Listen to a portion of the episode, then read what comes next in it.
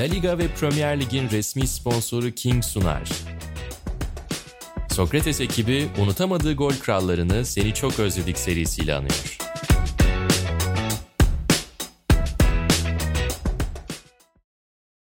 Herkese merhabalar. Seni çok özlediğin La Liga versiyonunda 6. bölümle karşınızdayız. Bundan önce önemli isimleri masaya yatırdık ama bu program bizim için birazcık daha değişik olacak. Çünkü bir Türk futbolcu da başlıklarımızdan biri olacak ve önemli başlıklarımızdan biri olacak. Nihat Kahveci'yi de konuşacağız ama 2002-2003 sezonlu La Liga'da ana gündemimiz ve gol kralı Roy Makay üzerinden başladığımız bu sohbette ben Onur Erdem yine İlhan Özgen'le beraber hatırladıklarımızı, aklımıza gelenleri sizlerle paylaşacağız. İlhan hoş geldin. Selamlar Onur. 2002-2003 sezonu ile ilgili genel bir görünüm veriyorum. Ardından sana bırakıyorum sözü.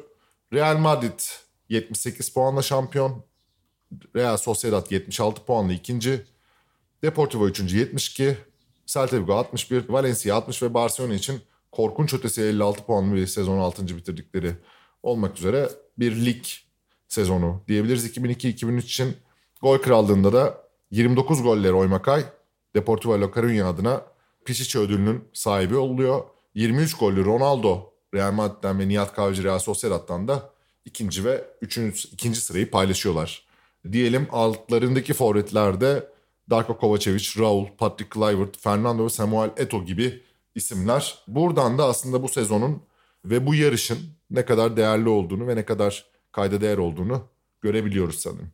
Herhalde Türkiye'deki yani spor futbol izleyicilerinin en çılgın takip ettiği La Liga sezonu olabilir.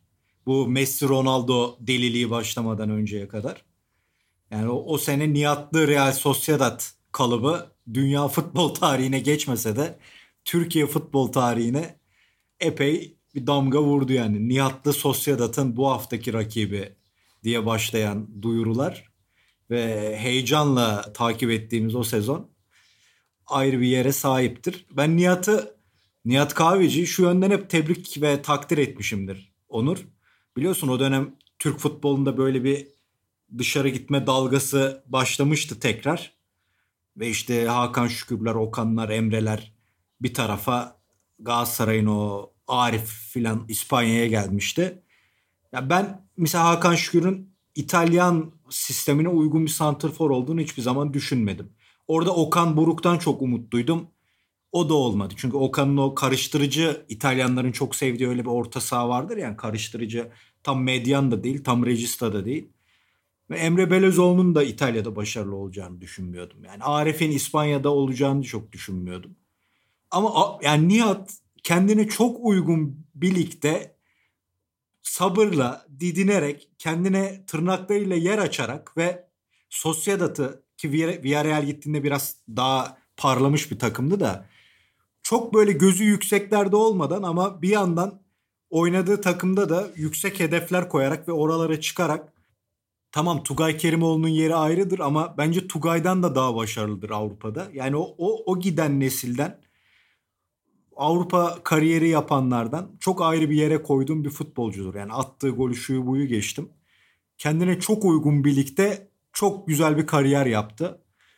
Yani ben niye Türkiye'ye döndü bu adam diye de aynen soruyorum yani. Ben olsam orada ömür boyu yaşarım artık. Kendini kabul ettirmişsin. Çok takdir ettiğim bir kariyerdir. Yani Makay başrolümüzde ama Nihat'a böyle bir teşekkür ve takdirimi sunayım bir futbol izleyicisi olarak. O zaman şöyle yapalım. Bu seferlik bir değişiklik yapalım. Makayla başlayalım ama Makay'ı birazcık aradan çıkaralım. Dilersen Sociedad Real Madrid yarışı üzerinden bu sezonu konuşalım. Daha geniş bir yer ayıralım o tarafa. Roy Makay ile ilgili benim kendi hatırladıklarım üzerinden söyleyebileceğim Makay'ın 200 sezonu var. Aşırı elit forvet olarak konumlandırabileceğim. Yani oralara layık gördüğüm ki tam o dönem işte Van Nistelrooy ile beraber Hollanda futbolunun iki büyük yıldızı gibi, iki büyük forvet ürünü gibi çıktıkları ve epey sükse yaptıkları bir dönem. Aralarında bir iki senelik bir fark var ama o geçişte de denk geldikleri çok olmuştur. Çok takdir ettiğim bir forvetti. Clivert'tan biraz hani ayrışan bir tarafları var ama benim onunla ilgili hep kafamda oturan şey bir oynadığı takımın hani şey hariç Bayern Münih hariç konuşuyorum. Deportivo döneminde de mesela Clivert daha büyük bir yıldızı da Makayep bir ikinciydi. Van Nistelrooy daha büyük bir yıldızı da Makayep ikinciydi. Gibi aslında hakkının çok da verildiğini sanmadığım isimlerden biri. Sen ne diyorsun bu konuda? Sana şurada katılırım. Geçen biz de Atahanlarla konuştuğumuzda Atahan'a öyle tepkiler gelmişti. Van Hooydonk'la ilgili. Bu adamdan nasıl keyif alıyordun diye. Van çok iyi bir oyuncuydu. Adam keyif alır. Van şanssızlığı bahsettiğin dönemde Hollanda milli takımına yani Hollandalı olmasıydı. Yani milli takımda yer yoktu. Hollanda Van Basten daha total futbol ürünü bir santrfordur. Yani her şeyi yapabilen. Ama Hollanda ondan sonra böyle acayip ceza sahası içi golcüleri üretmeye başladı. Kluivert de öyleydi yani çok kalpazandı Kluivert'da. Yani topu kafasına ayağına atmazsan zaten İtalya'da ondan oynayamadı yani. Bir şey yapamazdı. E Nistelrooy tamam çok büyük golcüydü ama oyun içinde Van Basten gibi bir oyuncu değildi. Yani çok fazla böyle ceza sahası bitiricisi affetmeyen adamlar çıktı Hollanda'da. Makay da dediğin gibi biraz onlarla çakıştı ve milli takımda da bir türlü o istenileni o kulüplerde yaptığını yapamıyordu. Mesela Di Natale de öyledir. Herif leblebi gibi gol atıyordu. Milli takımda baksan yoktu yani ki oynuyordu da oynatıyorlardı da. O şeyi etkiledi Makay'ı kariyerini. Ama yani Bayern Münih hadi büyük takım diyelim ama Deportivo'nun yükseliş içinde işte şampiyonluğu da olması lazım değil mi? Bir sene şampiyonluğu var onlarla. Var. O takımın gol ayağının olması ve ben hep onu izlerken hani herif sanki hiç Hollandalı değil de Alman işte bu Klaus Fischer'ler tarzında bir santrfor gibi görürdüm. Sonra Almanya'ya gitti beni mutlu etti bu yüzden.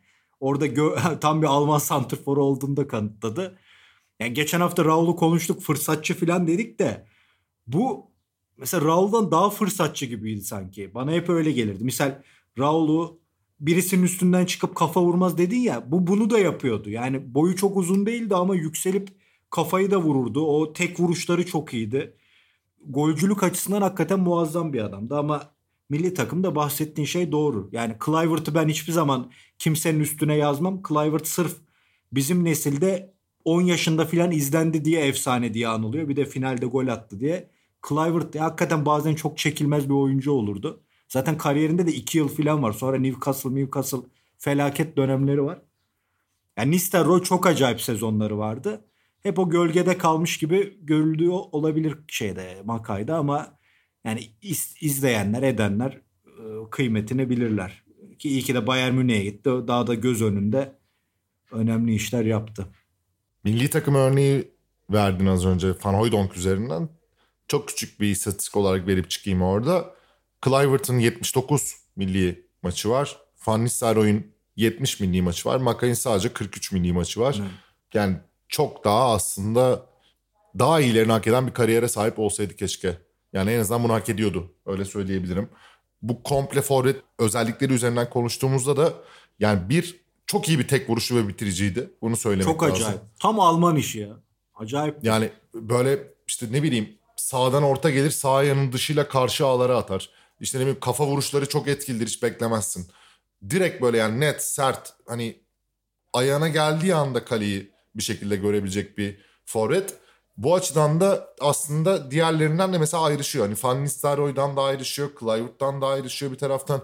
Aslında daha forvet forvet isimlerden bir tanesiydi ama bazen yanlış zamanda yanlış yerde olduğunuzda hak ettiğiniz şekilde anılmayabiliyorsunuz. Roy Makay da galiba bu isimlerden bir tanesi.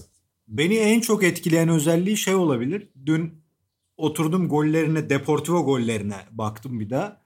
Şimdi onu sırtı kaleye dönükken o kaleyi görmeden topla buluştuğun anda tek vuruşta gol atmak garip bir şey yani. Bu yetenek bu.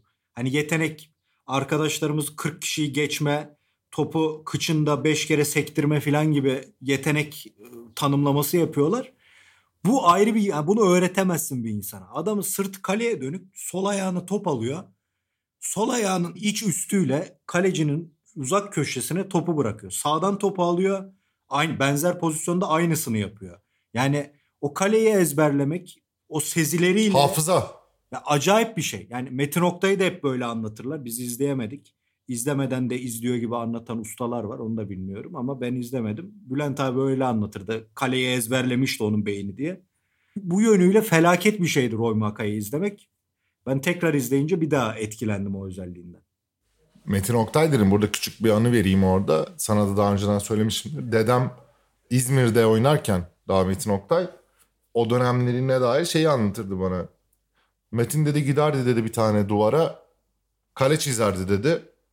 Sağdan alırdı, soldan alırdı. Her seferinde şut çalışıp yani bir duvara kale çizip sadece nereden geldiği belirsiz, ne şekilde geldiği belirsiz bütün topları her seferinde de oraya atar dedi. O kaleye gönderir dedi. Yani benim hayatımda o açıdan gördüğüm tabii herkesin dönemi ve abartma şeyi de var. Yani burada dedemi de tenzih ederek söyleyeyim kendisine şimdi abarttı demeyeyim de yani evet o da daha iyi görmüştür ama mesela o özellik gerçekten bir forvet için o kale hafızası, o pozisyon hafızası, sırtı dönükken bile nerede olduğunu bilmesi ve döndüğünde kaleciyi nerede bulabileceğini tahmin etmesi ve oraya göre kendini pozisyonlaması daha top gelirken çok kıymetli özellikler.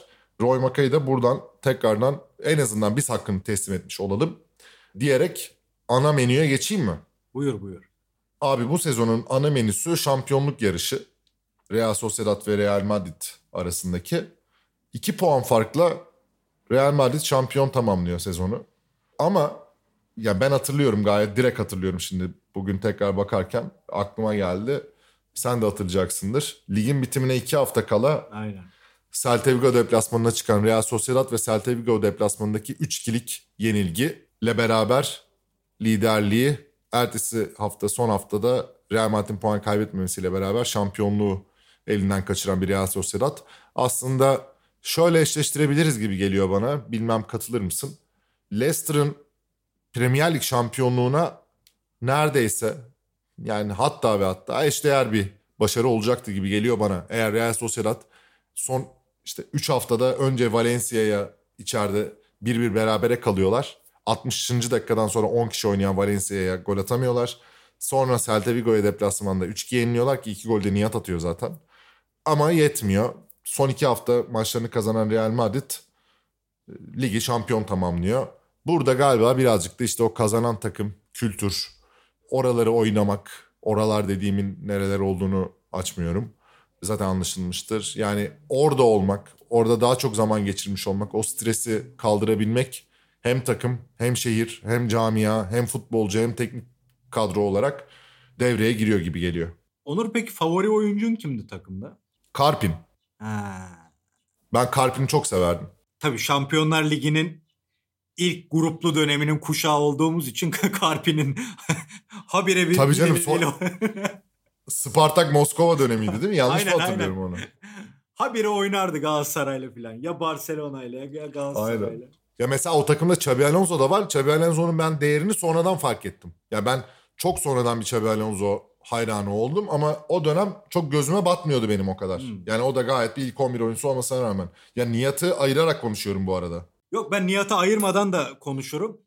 Benim babamdan dolayı hep orta saha yani 5 yaşında futbol izlemeye başladım. Hep orta sahalar izlenmesi gereken insanlarmış gibi kafama kalktı Metin Özgen. Ve hep orta sahalara dikkat ettim. Xabi Alonso'yu severdim ama ben De Pedro'yu çok severdim niyeyse bu takımda. Ve hani İspanya milli takımıyla da bir onun Dünya Kupası mı Avrupa Şampiyonası vardı galiba Euro 2000'de. 2002 Dünya Kupası'nda da vardı sanırım. Hani daha da iyi bir futbolcu olabileceğini düşünüyordum ama olmadı. Xabi Alonso ondan daha öne fırladı. Benim favorim De Pedro'ydu burada. De Pedro'yu yanlış hatırlamıyorsam böyle birazcık kanatlara da deplese olan bir Tabii isimdi. tabii aynen aynen. Yani hani daha savunma özelliğiyle değil de hücum özelliğiyle Tabii, bir tık daha öne öyle. çıkıyordu. 10 numaramsa böyle bir hücumcuydu. Evet birazcık deli fişek. Nerede bulacağını pek bilemediğin sahada bir rakip olarak düşündüğünde onu hatırlamak lazım. E şey var. Klasik işte şeyler var. Aramburular var. İşte Gabilondolar var. Tabii. Ondan sonra Kıvarmeler var. İşte Kıvarme yani hani ona çok şey yapmayayım da Rekarte var. Burada gayet. Emekçi. kariyerli bir isim olarak. Güzel bir takımdı ama dediğim gibi ben yani Real Madrid'in en hype dönemi neredeyse işte Los Galacticos kadrosu ve bu kadroya karşı neredeyse kazanılmış ahlar vahlar içinde gitmiş bir şampiyonluk. O Celta Vigo maçını da izlediğimi direkt hatırlıyorum. Yani oradan aklımda.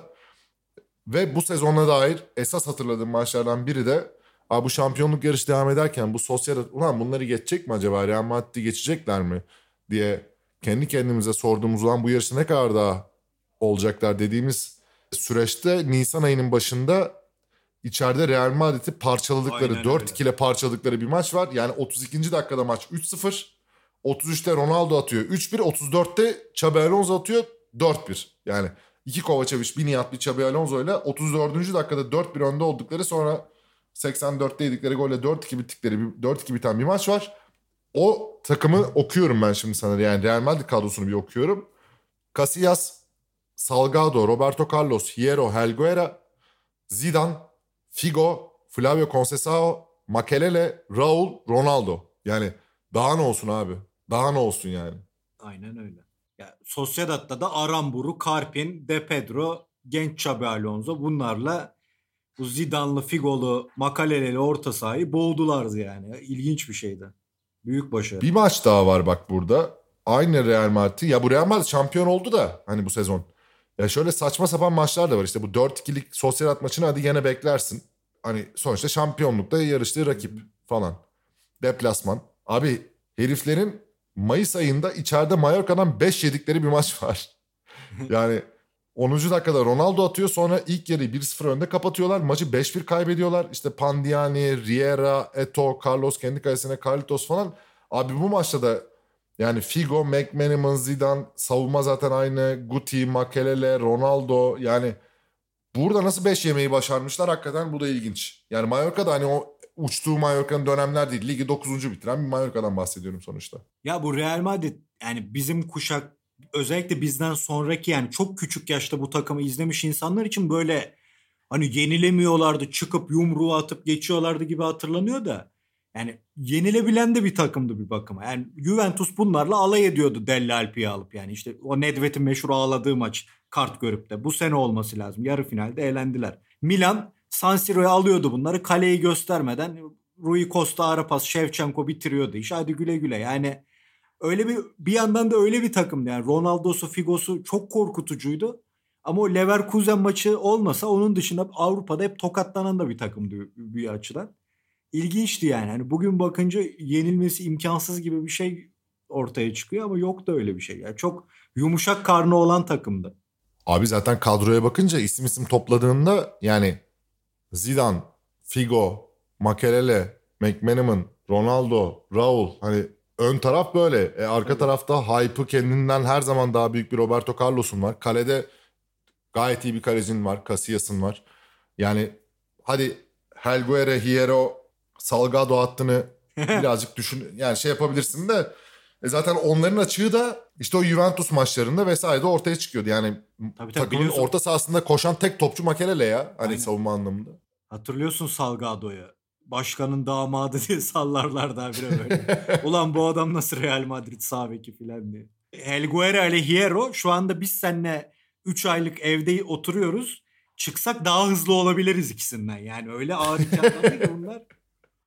Tabii bu defolar Shevchenko falan arkaya depar atınca ortaya çıkıyordu. Burada şey de söyleyelim. Şimdi Celta Vigo'ya biraz önce şampiyonluğu aldı Sociedad'dan dedik ama yani birazcık da adaletli bir takım olduğunu da söylemek lazım orada Celta Vigo'nun. Çünkü aynı şekilde Sociedad'a çelme çaktıkları gibi 3 hafta önce yani Sociedad maçından hemen önce de Real Madrid'de bir çelme çakıyorlar. Aynen. Deplasmanda bir bir berabere kalıyorlar ki onlar da Şampiyonlar Ligi biletini kovalıyorlar ki kalıyorlar o senede işte bir puanla geçerek bu son 3 maçın ikisinde aldıkları puanlarla onları da bir parantez atmış olalım. Dönelim Nihat'a. Yani Nihat'ı bütün dünyaya tanıtan sezon herhalde bu ve ben bir noktada artık şeyi bekliyordum yani ulan bu adam duracak mı? Yani çünkü hiç beklenmedik bir çıkış gibi geliyordu o anda. Nasıl anlatmam gerekir bilmiyorum ama yani sezona işte önümde şu anda maçlar açık. iki gol atarak başlıyor. Sonra iki maç boşluk. Sonra 5 maçın 4'ünde atmış sonra 5 maç golü yok falan derken abi işte 22 Aralık 2002 Huelva maçıyla başlayıp devam eden bir süreç var. Orada 17 gol atıyor kalan bölümde ki işte 18 maçta mı 17 maçta mı ne o kadar gol atarak yani neredeyse maç başına bir gol atarak sezonu tamamlıyor. Sosyet'in o şampiyonluk yarışında da özellikle Kovacevic'le kurduğu partnerlik ki Kovacevic de bu sezonu 20 golle bitiriyor gayet ölümcül bir ikili olduklarını söylemek lazım. Ki ben Kovacevic konusunda yani mesela Juventus'a bu çok büyük ümitlerle falan gelmişti parlayıp hiçbir numarasında olduğunu da hatırlamıyorum. Lazio'da da öyle zaten. Bir numarasını görmedik.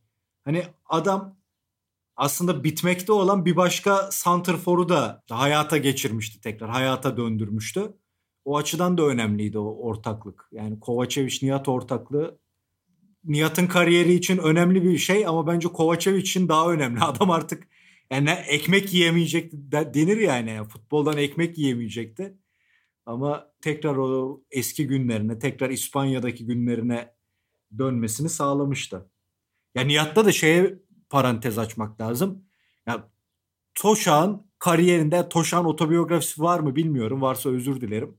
Ya bence otobiyografisi yazılsa hayalet yazarın bir Nihat bölümü açması lazım. Hani nasıl Keegan yapılmalı. Pe Paisley ile yok gerçi. Shankly ile var onun mesaisi. Shankly yapılmalı.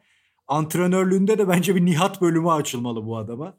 Yani Beşiktaş'ta İspanya'ya gittiğinde, sosyal başına geçtiğinde hiç Nihat'ı unutmayıp hep aklında tutup hep varlığından haberdar olup ona güvenen, ona formayı veren hep Toşak çıkıyor karşımıza. Çok ilginç bir şey yani. O deli cesareti var ya Toşan bazı yerlerde işe yarıyor cidden işte. Ya burada şey gibi bir hikaye de yok tabii. Hani bakıra dokundum, elmas yaptım gibi tabii durum değil. Nihat'ta her zaman var o potansiyel ki zaten hani sonrasında Villarreal'de de 20 gol barajını geçtiği sezon var yanılmıyorsam 20 geçmese de 19'da falan kalmıştır. Yani Villarreal'de de attığı ve kendini bulduğu sezonlar var. Hani Nihat'ı bitiren sakatlıklar oldu ama yani dediğin gibi John Benjamin Toşan'ın buraya gelerek bu ligin cevherlerini en azından şu açıdan söyleyebiliriz. Abi Balic gerçekten iyi bir topçuydu ve çok özel bir yetenekti. Kesinlikle. Jeremy çok iyi bir topçuydu. Yani bu ligde bir şekilde bulunup Nihat keza yani 3 tane isim Toşak sayesinde bu ülkeden La Liga gördüler. Jeremy'nin hatırı sayılır bir kariyeri oldu. Hadi Real Madrid olmadı da sonra Avrupa futbolunda oldu. Balic sakatlık belasından çekti. Nihat'ınki ortada. Yani aslında gözlemi ve oyuncudan anlaması bu yetenekleri özelinde çok özel bir futbol aklı olduğunu söyleyebiliriz Toşan. Evet ya ben Fuat Yaman'la birkaç ay önce konuştum da onun yardımcısı işte Fuat Yaman. Nihat'ı nasıl bulduklarını anlatmıştı. O günü anlatmıştı bana. Yani işte Fuat Yaman'la birlikte PAF maçı izlemeye gidiyorlar. Böyle yarı sahanın karşısında karşılıklı izliyorlar maçı. Bir sahanın bir tarafında biri bir tarafında biri. Diyor ki ya Nihat'ı altyapıda çok dikkate almıyorlardı. Yani koşuyor, didiniyor. Başka bir numarası yok. İşte bizde diyor çalım atması lazım ya herkese adamın. Toşak 10 dakika sonra tamam diyor hadi gidelim yani getirin bunu işte. Ya diyorlar emin misin? Ya adam çok güçlü yani çok hızlı, çok güçlü. Ve sanki yıllardır A takımda oynuyor gibi mental açıdan çok kuvvetli. Yani daha 10 dakikada onu çözmesi yani alt, Fuat Yaman'ın tavsiyesiyle gidip 10 dakikada tamam bu çocuğu getirin demesi filan hem cesaret işi hem de futbol gözü açısından takdir edilmesi gereken bir durum. Zaten o cesaret ve hani 40 yıllık A takım oyuncusu gibi hareket ediyor olmasından yola çıkarak hani Nihat'ın olgunluğuna da orada bir paye vermek lazım. Tam o dönemler işte Hakan Şükür'ün İtalya'ya gidip ben ülkemi özledim, yok Sütlü Nuriye özledim, kebap özledim vesaire Aynen. durumlarının olduğu bir dönemde İspanya'ya gidip, Sosyerat'a gidip direkt olarak o kültürün içerisine adapte olup, dile adapte olup, şehre adapte olup ve oralıymış gibi ne o kadar zamandır oralıymış gibi hayatına devam ediyor olması da aslında onun nasıl bir mental sertlikte olduğunu gösteriyor galiba. Aynen ya Hector Cooper sanırım burada Türkiye'de çalışırken bir röportaj vermişti. Yanılıyorsam özür dilerim. Okan'la Emre her fırsatta gelip benden Türkiye'ye gitmek için izin alıyordu diyor. Yani adam antrenmanı bitiriyor düşün izin var. Gelip izin alıyorlar biz Türkiye'ye gideceğiz diye. Yani hani sonra diyoruz ki ya bu Okan niye İtalya'da olmadı? Bu Emre niye İtalya'da olmadı? Ya bunlar basit gibi görünen ama çok sporcuda aranan özellikler. Yani Nihat onu aşmış gibiydi. Hep UEFA kupası nedeniyle tabii ki Galatasaraylı oyuncular daha kahramanca yurt dışına gitti. Daha büyük umutlarla ama Nihat bence aralarında o, o giden ekipte Türk futbolcular arasında en büyük işi başaran oyuncu oldu cidden. Sezonun o zaman diğer isimlerine bir döneyim. Gol krallığındaki. Burada saydık Roy Makay 29, Ronaldo 23, Nihat 23, Kovacevic 20 diye devam ettik. 16 golle Raul ve Kluivert var. 15 golle Betis'te Fernando var. 14 golle de Samuel Eto'o atmaya devam ediyor. Mallorca'daki günleri. Clivert kısmıyla alakalı sana sadece bir tane şey söyleyeceğim. Biraz önce dedin ya böyle bazen tahammül etmesi çok zor bir topçuydu diye. Ya ben Clivert'ın her zaman çok özel bir yetenek hani çok değişik ve çok özel bir yetenek olduğuna her zaman inandım. Çok büyük bir potansiyeli olduğuna inandım. Ama yani o kumaşı hep vardı. Galiba onun futbola pek aklı. Hani futbol oynamaya bazen pek aklı yoktu. Çünkü ya bir örnekle belki çok basit bir örnek olacak. Hani bütün resmi açıklamaz bu ama sırf bu sezonki performansı ile ilgili bir küçük bilgi vereyim. Abi Barcelona sürünmüş zaten bu sezon. Yani oraya tabii. girmiyorum hiç ama abi Kluivert 16 golle sezonu bitiriyor. Bu 16 golün 6'sını zaten iki maçta ettirikle atıyor. Biri Alavez'e 6-1 yenmişler. Birinde de Mallorca'yı 4-0 yenmişler. 3-3 atmış. Abi kalan sezonda 36 maçın işte kaçında oynadı bilmiyorum. Bakarım şimdi. Kalanında 10 gol. İşte tam bir Kluivert özeti gibi. Yani 10 haftada bir çıkıp inanılmaz bir maç oynayıp araya böyle 1-2 gol daha serpiştirip 5-6 maç yatan, sahada dolanan böyle ya lanet Aynen olsun öyle. ne yapıyor bu adam dediğim bir topçu gibi hep bende kaldı ki bende kalmasından ziyade bir Kluivert'ın gerçeğiydi de muhtemelen bu. Ya 98 yarı finalinde Brezilya'ya attığı gol öyle her santrforun vuracağı bir kafa değil. Çok net Değil. bir kafa vuruşu. Çok temiz, çok klas görünüyor. Çok zarif. Ama abi adam ya ben Milan'ını falan bunu net hatırlıyorum. Ajax'ını da biraz hatırlıyorum. Barcelona'yı zaten çok hatırlıyorum. Ya bahsettiğin gibi abi oyundan bir kaybolur. Topu ayağına atsan gene almaz yani. Öyle bir vurdum duymazlık. Yani öyle böyle bir şey değildi. O açıdan zaten Kluivert deli ederdi adamı diyorum. Yoksa o bahsettiğim Hollandalıların o ceza sahası içi golcü çıkarma konusunda o Nistelrooy'lar, Makaylar gibi bu da kıymetli bir oyuncuydu ama yani o kariyeri iyi kullandı ama bence pek de yeteneklerini iyi kullanamadı kariyerinde. Şimdi sezona bir daha bir baktım. 36 maça çıkmış abi. 36 maçın hepsinde ilk 11.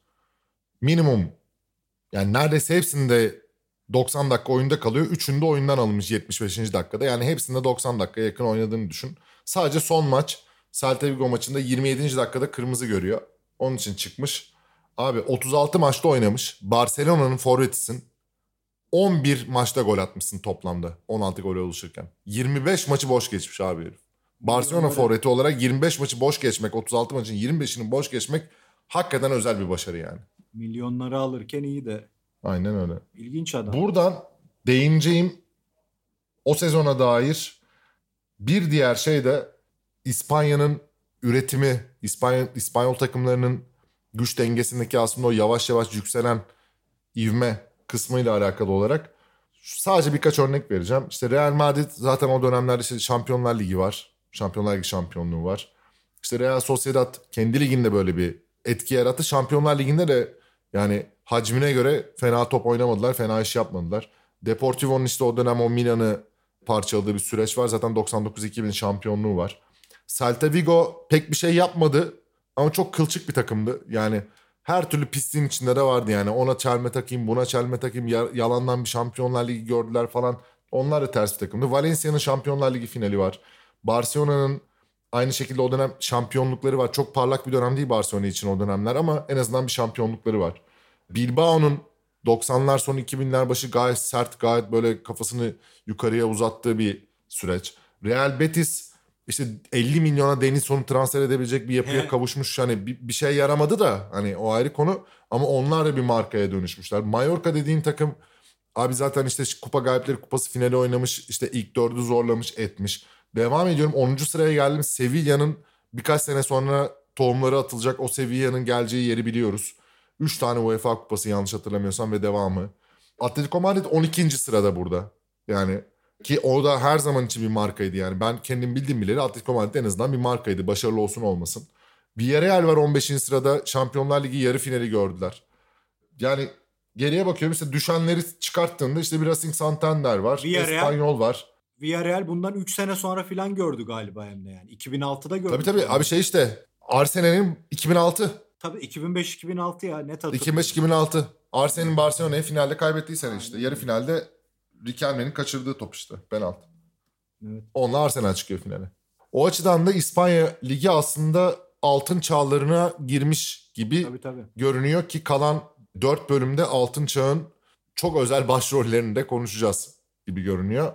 Senin eklemek istediğin bir şey var mı bu sezona dair ayrıca? Var Celta Vigo'da Mostovoi çok severdim. Onu da unutmayayım. E, o da aynı şekilde değil mi abi? İşte Karpin'le beraber o Spartak Moskova vesaire. Tabii tabii. Ben, Aynen öyle. ben şeyi unutmuyorum abi. O takımdan Onopko'yla Simbalar vardı.